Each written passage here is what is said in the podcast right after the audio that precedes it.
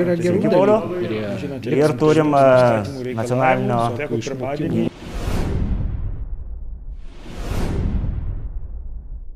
Tai sveiki visi. Šiandien toliau tęsim neredaguoto pokalbius ir e, turim rubriką, etatinę rubriką su Laurinu Kaščiūnu, kuri vadinasi Iš dešinės. Tai sveiki Laurinai. Labas. Tai ką, tai manau, senokai jau kalbėjom, čia teko biškai atidėti epizodą dėl įvairių trūkdžių ir dabar online, kadangi vienas iš dalyvių jis savizoliuojasi ir, ir šį kartą ne Laurinas Kaščiūnas. Tai Laurinai, gal pradėkim tada nuo, nuo to skandaliuko, kuris čia buvo apie komunistuojančius jaunuolius e, Lietuvo švietimo sistemoje ir jų YouTube kanalą, kur buvo atvirai propaguojama viena iš e, ideologijų, kurios, e, kuri šiaip yra smerktina mūsų istorijos požiūriu. Ko, kokios pačio išvalgos? Žinai, kai, kai jaunimas eksperimentuoja ir kažką daro, aš visą laiką žiūriu taip labai jautriai ir su labai plačiu tolerancijos tokių kreditų, žinai, tai nes e, gyvenime gali visko įvykti, įvairių transformacijų, vertybinių pokyčių. Be abejo, aš čia nenoriu dabar nei, nei, nei čia kritikuoti mokyklos, aš manau, jin pasielgia teisingai, turi savo vertybinę poziciją ir pasielgia labai teisingai. Be abejo, kaip pats gerai pasakėjai, mes kalbam apie, apie ideologiją, kuri a, nusinešė daug šimtų tūkstančių mūsų, mūsų, mūsų tėvinainių gyvybių. A, ir turbūt Lietuva būtų šiek tiek kitokia dabar, jeigu ne, komuniz, ne komunistinė ideologija. Be abejo, turbūt čia esminis klausimas yra, kaip, kaip, kaip formuojasi jaunos, jaunos, jaunų žmonių galvose tokia, tokios doktrinos. E, buvo šiek, šiek tiek ir įdomu klausytis tą, tą, tą, tą minčių, sakykime, taip kratinį tokį. Bandė, bandžiau tą dekonstruoti iš karto, aišku, akivaizdu, toks jau grinai niekur nieko nestebinantis dalykas, antiamerikietiškas toksai uh, pozicija, va čia, šiek tiek nuo sovietmečio laikų visada jau uh, antitezė komunizmui pirmiausia vakaruose buvo Amerika, ne, ne kokia nors vakarų Europos šalis, bet Amerika. Tai smūgiai pirmiausia skrieja, skrieja, skriejo amerikiečiams. Ir be abejo klausimas, kaip tas formuojasi žmonių galvose, tai čia turbūt, nu, galim kalbėti apie, apie tai, kad dabar jaunoji kartoj populiarėja tas kairuoliškas liberalizmas, vadinkim taip, kuris galbūt dar kažkiek tai yra europietiškos civilizacijos, na, produktas, kur konkuruoja su, su, su dešinės pasaulyje žiūra bet ten tas, žinai, neomarksizmo sąsajos su, su tuo liberaliuoju, liberaliuoju kairiuoju liberalizmu, jos irgi akivaizdžios.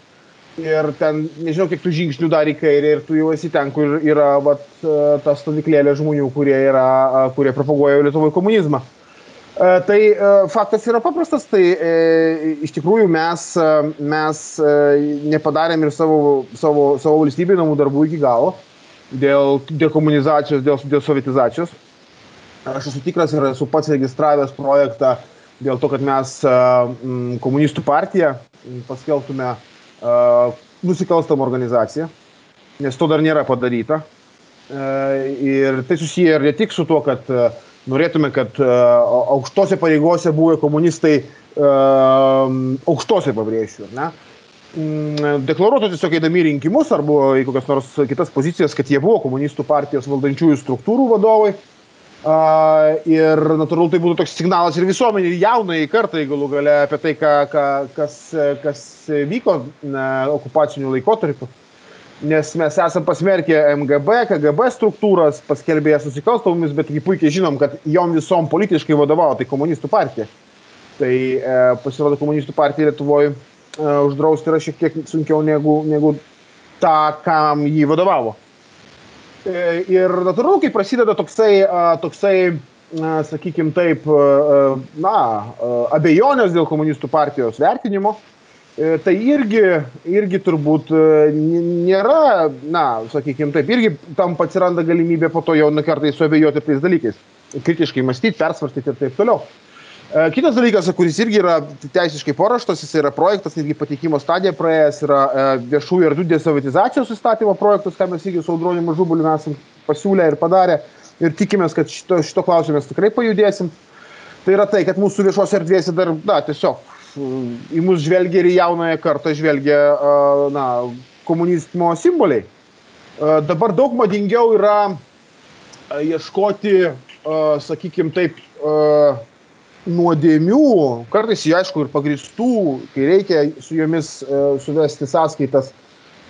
Kartais yra tiesiog toksai, na, tokia linija paimta daugiau ieškoti, sakykime, kolaboravimo su, su, su visa ta nacistinė, nacistinių režimų. Ir teisingai reikia išsiaiškinti šitoje vietoje savo santykius su istorija. Čia labai yra nepaprastas dalykas ir tą reikia padaryti būtinai. Bet šalia to mes dažnai užmirštam komunistinį režimą. Ir taip labai įdomiai, įdomiai, įdomiai, įdomiai gaunasi, kad na, Stalino saulės vežėjams vis dar stovi paminklai Vilniaus centre. Jų, jų problemą kelia iš esmės tik dešinė politinė pusė kitiems tai yra vos ne rašytojas ir leiskit rašytojui galimybę suklysti, ne? Tai va tokie netgi eina argumentai. Čia iš ko tokie argumentai? Eina? Na, tai tokiam bendrai, žinai, kūrybinės, kūrybinės, kūrybinės, bandama nurašyti ant kūrybiškos asmenybės tam tikrų nukrypimų, ne?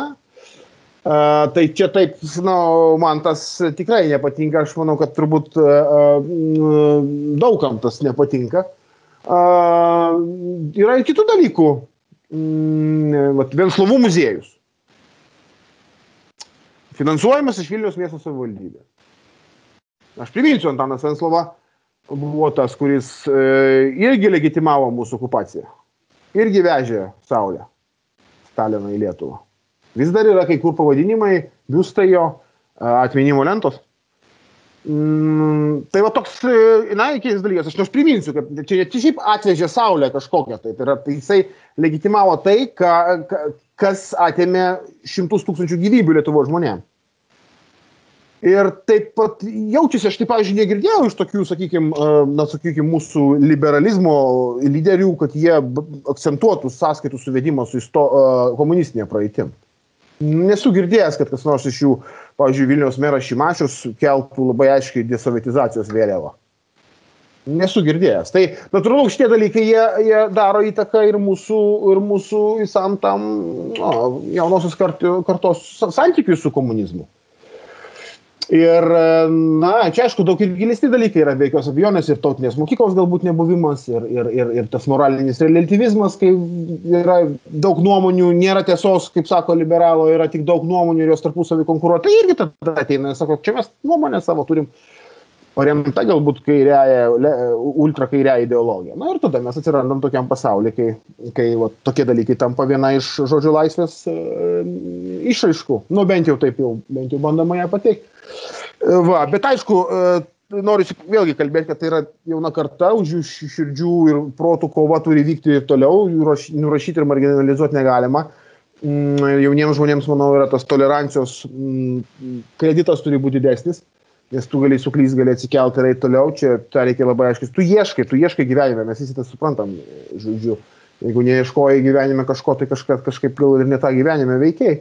Tai, tai natūralu, kad aš taip labai smerkimų čia norėčiau užsiminėti, o reikėtų tiesiog paieškoti priežasčių, giluminių priežasčių, kodėl taip atsitiko.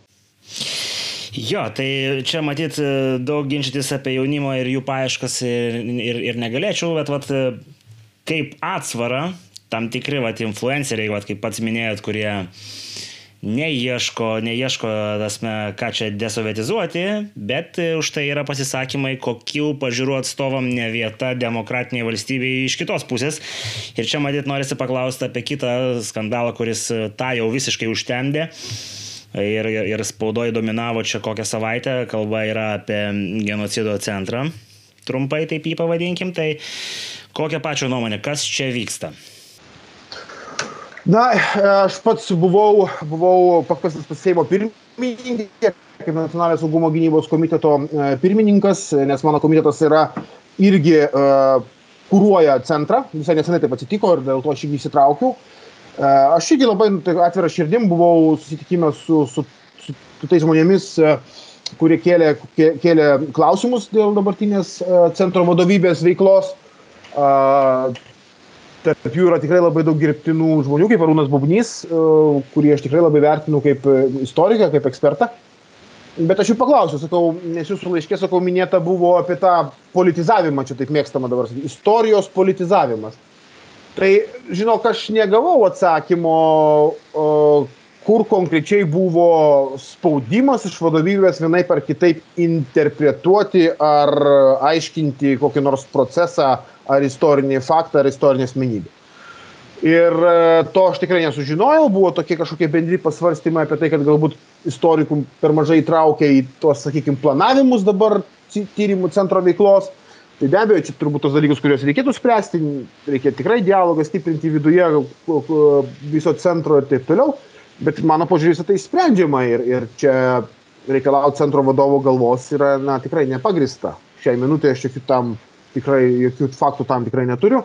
Ir, ir tikrai uh, viskas taip labai kartais atrodo ir dirbtina šiek tiek, ypač kas formuojasi viešo erdvėje. Ir tos kalbos vėlgi iš liberaliosios kairiosios pusės, intelektualinės apie tai, kad kažkas čia bando uh, kurti vieną naratyvą nacionalinį, istorijos politiką e, ir taip toliau. Ir, ir tai vadinama politizavimu. E, tai na, toks ir paradoksas, visą tai iš esmės, tai kad Lietu, atsakingas centras už istorinės atminties politiką yra įrašyta įstatymė jo. Tai aš manau, kad čia yra daug gilesni dalykai. Ta prasme, tie žmonės, kurie dabar kritikuoja viešai, e, ypač istorikai, e, tai liberalesnioji stovykla jų, tai jie iš principo atmeta centro prigimti ir centro, e, centro misiją. Turėti Lietuvą istorinės atminties politiką nes jų suvokimu tai, tai yra va, kažkoks ben, nacionalinis istorinis pasakojimas, jų suvokimu tai yra totalizuojančio mąstymo išraiška, kad tu uždrausi istorikam vos netyrinėti tai, ko jie nori ir ten ir panašiai ir taip toliau. Uh, bet mesgi suprantam, kokios, kokioje situacijoje geopolitinėje gyvename. Mes turim kaimyną rytų, kuris naudojasi kiekviena mūsų, na, uh, sakykime taip, istorijos detalė, bandydamas jas uh, perrašyti, sutirštinti, uh, skirtingai interp interpretuoti ir paversti savo propagandiniu įrankiu. Dėl to mums būtinas toksai incentras, kuris yra kaip skydas, sakyčiau, mūsų valstybė apsaugoti. Tai, e, tai to skydą, į kas istorikai siūlo to skydą atsisakyti. Tai aš manau, tai nėra teisinga ir yra klaidinga. Ir dėl to tas puolimas, sakykime taip, arba kritika tam centrui dabartiniam, kalbant tik tai tai, kad čia turi būti labai akademiška, viskas visą kitą ir taip toliau na tvarkoj turi būt be abejo paremta faktais ir akademine prasme bet vėlgi misiją reikia skaityti ir žiūrėti į centro misiją. Ir jinai yra yra na šitas daugiau nei tiktai mokslo įstaiga tiriamoji. Ten centras turi visai truputėlį kitokius tikslus. Todėl aš manau kad čia yra dialoginis debatas pirmiausia. Kai koks centras turi būti ir kokia yra jo mis misija ir vizija. Ir aišku kairė liberalioji kairė jie kritikuos tokį centrą aš manau, kad mes e, turim turėti tokį centrą ir turim turėti istorinės atminties politiką, išsidiskutavus, susitarus, e, bent, bent jau dėl gairių. Todėl pasikartosiu, kad šitas iš esmės kritika centro yra pirmiausia irgi ideologinė, ideologinė, kairioji, liberalioji, ideologiškai angažuota kritika. Jo, tai, nu, kadangi centro klausimas jau čia buvo pakankamai daug išdiskutuotas, e, Galbūt palikim jį, norėtųsi, aišku, čia gal ir detaliau e, klausimų, bet e, gal leiskim dar vietorom šitom visom nurimti, padarysim laidą atskirą vėliau. Kitas matyti dalykas, kurį norisi paklausti, tai visai neseniai pats Nacionalinio saugumo ir gynybos komiteto vadovas sužibėjo Washington Post, jeigu gerai prisimenu, e, Kinijos kontekste. Tai ar Kinija mums kaip mažai šaliai yra grėsmė, ar čia yra kažkoks vėl politizavimas? ar tas pasirinkimas tarp Kinijos ir Amerikos yra neišvengiamas tiek Europai, tiek tik liek Lietuvai?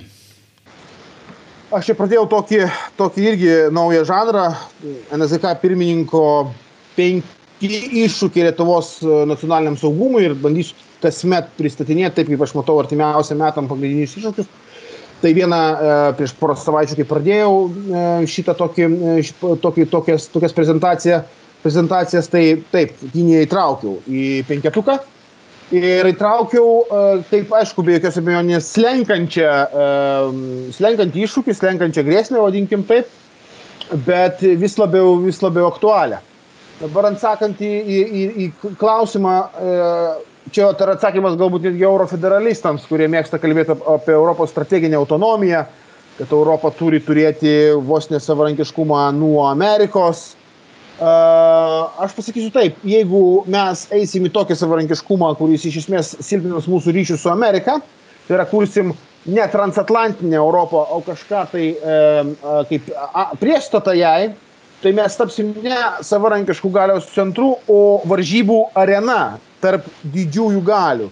E, viena vertus, aišku, pačios Amerikos, e, kita vertus ir tos pačios Kinijos. Ir kažkur dar, kažkur dar gal dar su savo nišom įtakos ir ta pati mūsų Rusijos federacija.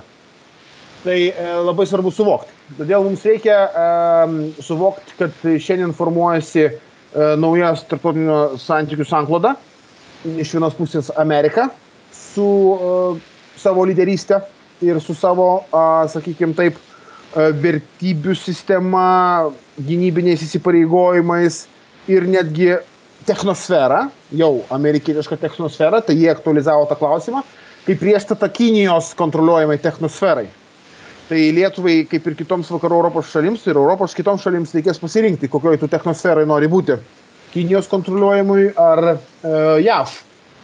Ir aš manau, kad tas mūsų paskutinis vyriausybinės komisijos sprendimas, kompanija Nuktech paskelbti, kad jinai ne, dėl saugumo sumetimų negali dalyvauti strateginės įmonės oro uostuose, reiškia, vienam ar kitam pirkime, manau, buvo teisingas ir pagristas, faktiškai, vertinant visas rizikas ir signalas, kad mes tik tai dabar jau žengsim į tai, kad na, mes nenorim priklausyti Kinijos technosferai. Aš noriu tik priminti, kad 17 metų e, Kinijos žvalgybos įstatymai yra įrašyta, kad e, net ir privačios kompanijos Kinijos, esant Kinijos vyriausybės reikalavimui, surinktus duomenys apie privačius asmenys e, atiduotų e, savo Kinijos vyriausybei. Tai šia prasme e, viskas man šiaip šiaip ir aišku. Ta prasme, verslo ir politikos saugimas reiškia, kad kiekviena investicija į strateginį sektorių reikia žiūrėti uh, labai atidžiai ir uh, vertinti per saugumą. Todėl mes bent jau nu komitete užsikėlė labai rimtą ambiciją, aš manau, kad tai taps ir mūsų vyriausybės ambicija, labai aiškiai sukurti tokią sistemą, kas yra patikimi, kas yra nepatikimi tiekėjai.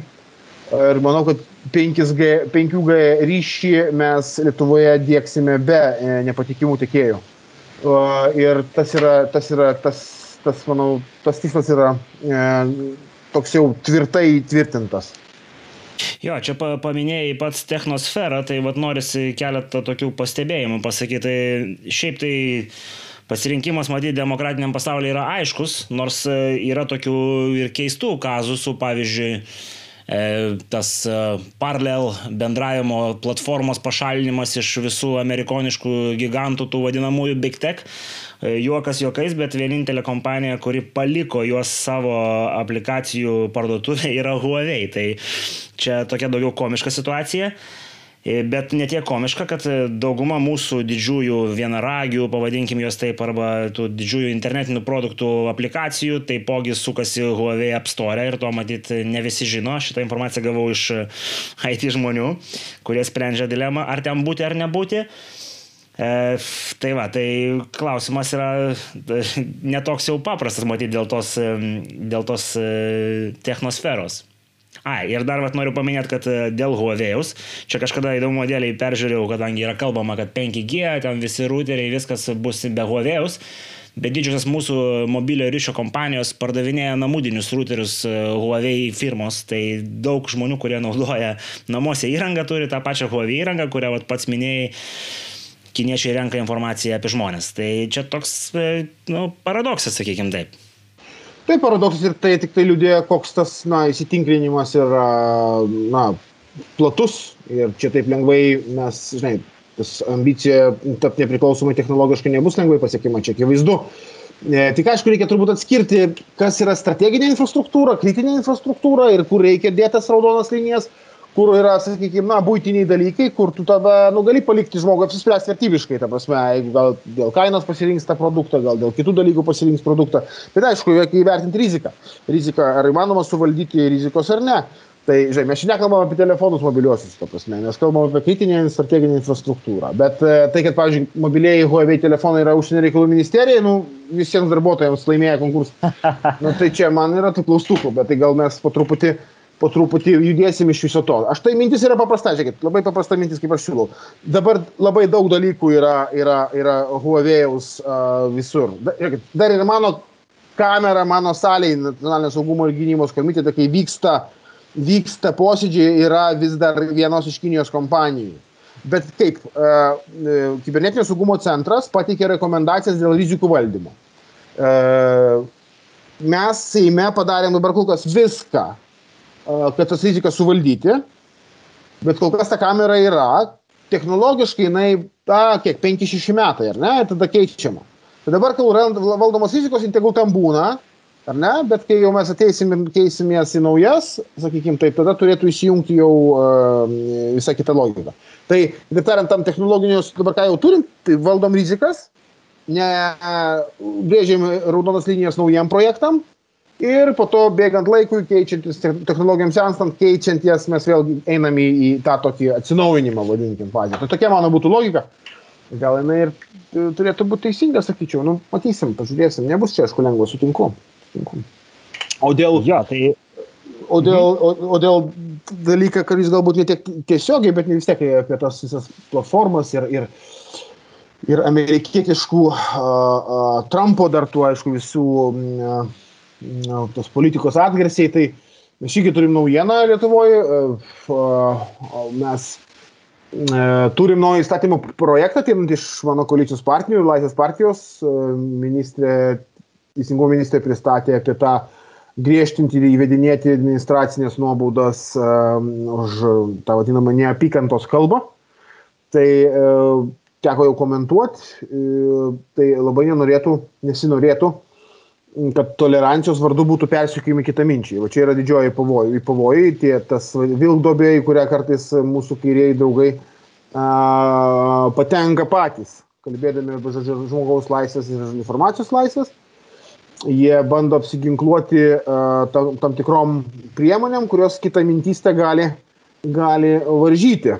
Tai kitaip tariant, tu negali tolerancijos ir liberalios demokratijos vardu persekiot kitą minčių. Štai, kad jie turi kitokią nuomonę. Todėl, man atrodo, ir čia turėsim tam tikrą debatą Seime, labai atvirą, autentišką, ar, ar reikia tų papildomų priemonių, ar ne, sakykime tai. Ar užtenka to teisinio reguliavimo, kuris ir dabar yra. Ne? Tai čia toks anonsas ateities, ateities įvykiams eina. Jo, manau, kad visi laukia ateinančios sesijos, ten bus nemažai sukryžiuota iečių, mes apie tai pašnekėsim, kai jau prasidės sesija ir, ir, ir, ir bus svarstymai. Tai matyt, reikia perėti prie Rusijos, nes nu, visi čia pastaruoju metu stebėjo tą visą demaršą, kuris nėra jau toks vienareikšmiškas, bet bet kokiu atveju Rusijos e, vadovybė elgėsi tenais e, pakankamai įdomiai, sakykim taip. E, kokia čia mūsų Seimo pozicija ir jūsų kaip vadovo? Na, žinai, čia aišku, manau, kad kai vyksta kokie nors rimti, rimti, rimti procesai Rusijoje, čia šiek tiek jau manyčiau, kad jau galima vadinti rimtais procesais, visą laiką tas klausimas esminis, ar Rusijoje gali būti pasikartoti autentiška kokia nors visuomenės revoliucija iš apačios. Ir, kitaip tariant, ar, ar ten gali būti demokratijos tradicija, kuri slypi visuomenė ir kuri tiesiog, nu, ieško, ta prasme, progų jau prasiveršti, ne? Ir nu, čia ne viskas taip paprasta, mes dažnai mėgstam jau paskelbti pergalės, kai jų, jų dar, dar, dar, dar iki jų toli ir tą reikia. Aš irgi tą kartais padarau, čia politikams tas būdinga, nieko čia nepadarysi, čia taip jau yra. Kad kartu to, ko tu nori, jau įvardyji, kad artėja, žinai, galas, žlugimas, pabaiga ir taip toliau.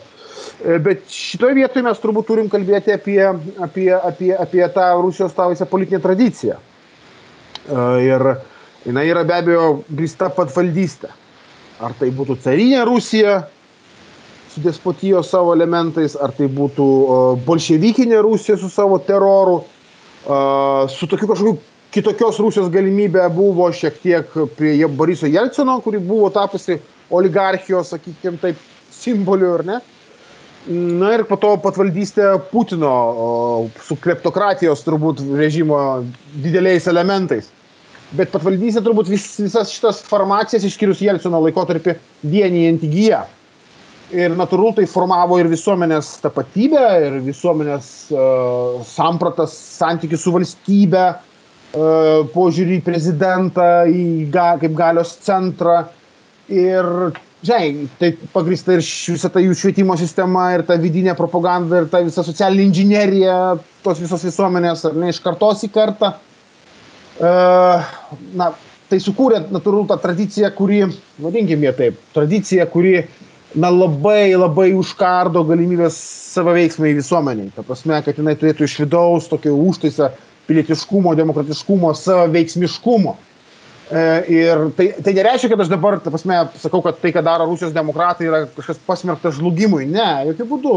Jie daro nuostabų darbą ir, ir, ir, ir, ir, ir, juos reikia e, už, dėl to tikrai remti ir padėti jiems kaip tik įmanoma, bet aš suprantu, kaip yra sunku. Sunku bus ką nors pakeisti. Ir, e, bet ir vėl, aš mačiau dabar Levados duomenys dėl Navalno čia tikrai savaitės, man atrodo, bėgio. O duomenys, nu, Levada tai yra to, ko dar galima pasitikėti. Aišku, turbūt darys sako ne tai, ką galvoja, nu, tie yra niuansai. Tai e, jie nieko per daug neįkvėpintis, 56 procentai nepritarė tą, ką jis daro.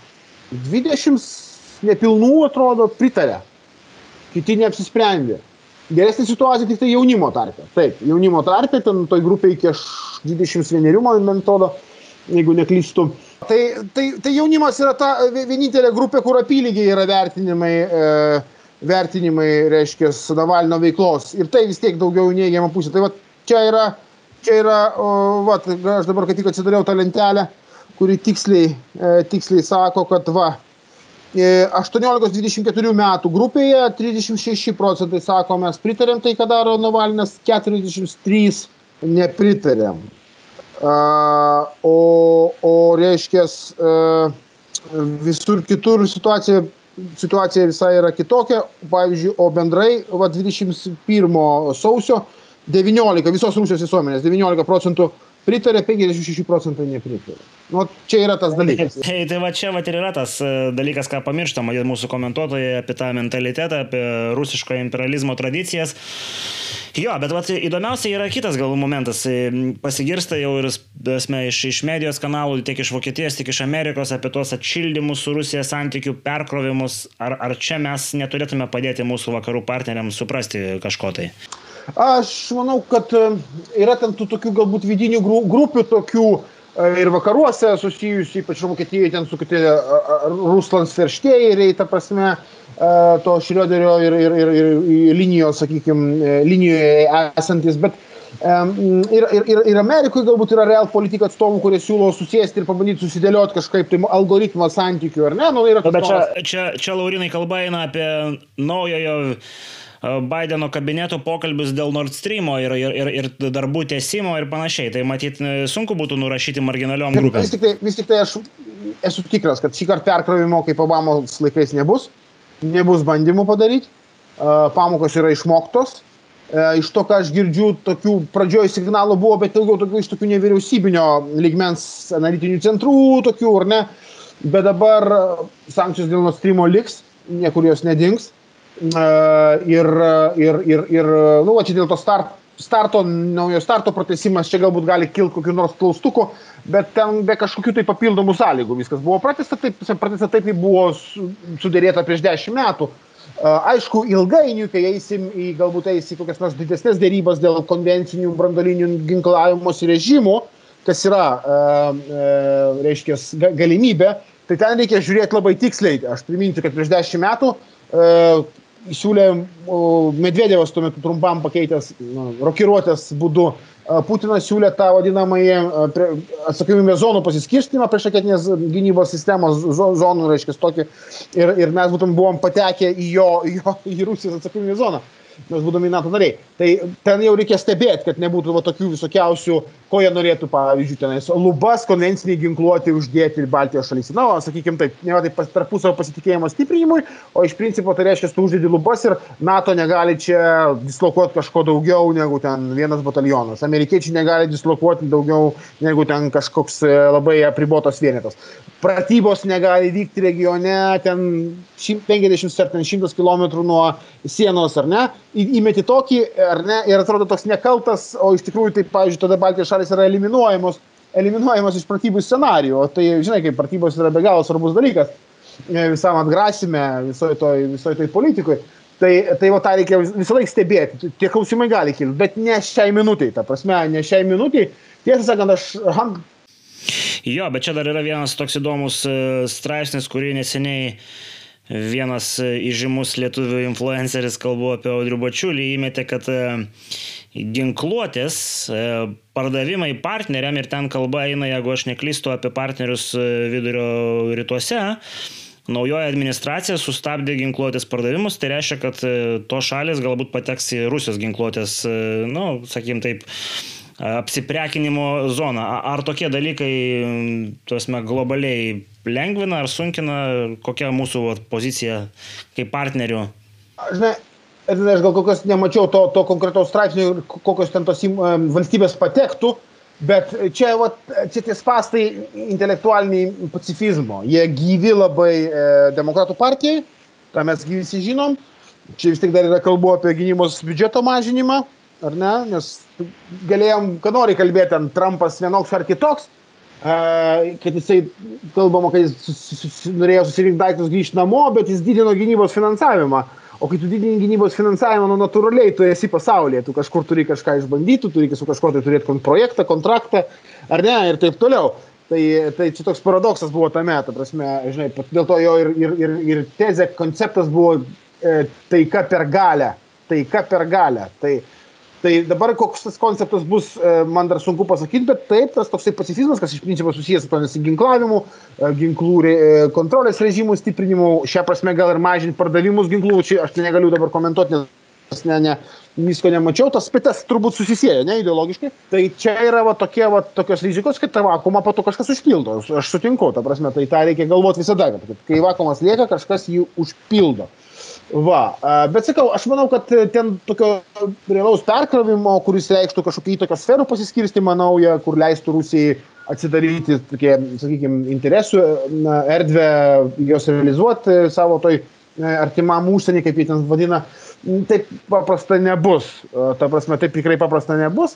Ir aš manau, tai, kad čia, šiaip, aišku, mes čia visi kritikavom Borelio vizitą patį, kad jisai dar vis svarstė, bet kai jis nuvažiavo ir taip nu, prasme, aš tikiuosi, kad suprato, su kuo jis turi reikalą. Aš nežinau, kiek galima dar metų reikia praeiti, kad nesuprasti iki šiol, bet, bet tas šlapių skudrų per veidą, su tai diplomatų pašalinimais ir ten visa ta retorika, kuri ten buvo, aš manau, kad tai keičia strateginį požiūrį iš ES, tas galbūt ir gerai. Tai aš tikiu, kad, kad tikiu ir Amerikoje.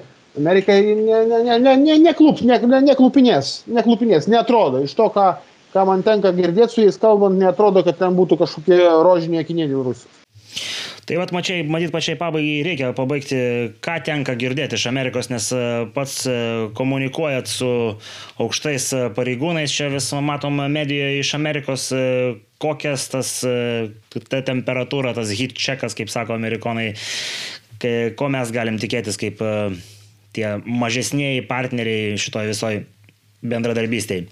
Tai aš du dabar dalykus pasakysiu labai konkrečius tokius, ar ne, be, be tokių politinių lozungų. Uh, dabar yra, e, jie vykdo European Posture Review, kitaip tariant, tai, kad Trumpas paskelbė, kad jis išveda karius iš, e, mažina karių skaičių iš Vokietijos, tai dabar demokratų nauja administracija turėjo tą vertinti ir vertina. Ir jau buvo pirmas pareiškimas, kad e, ten pasitraukimo visiško nebus, nu, ieškomi nauji modalumai.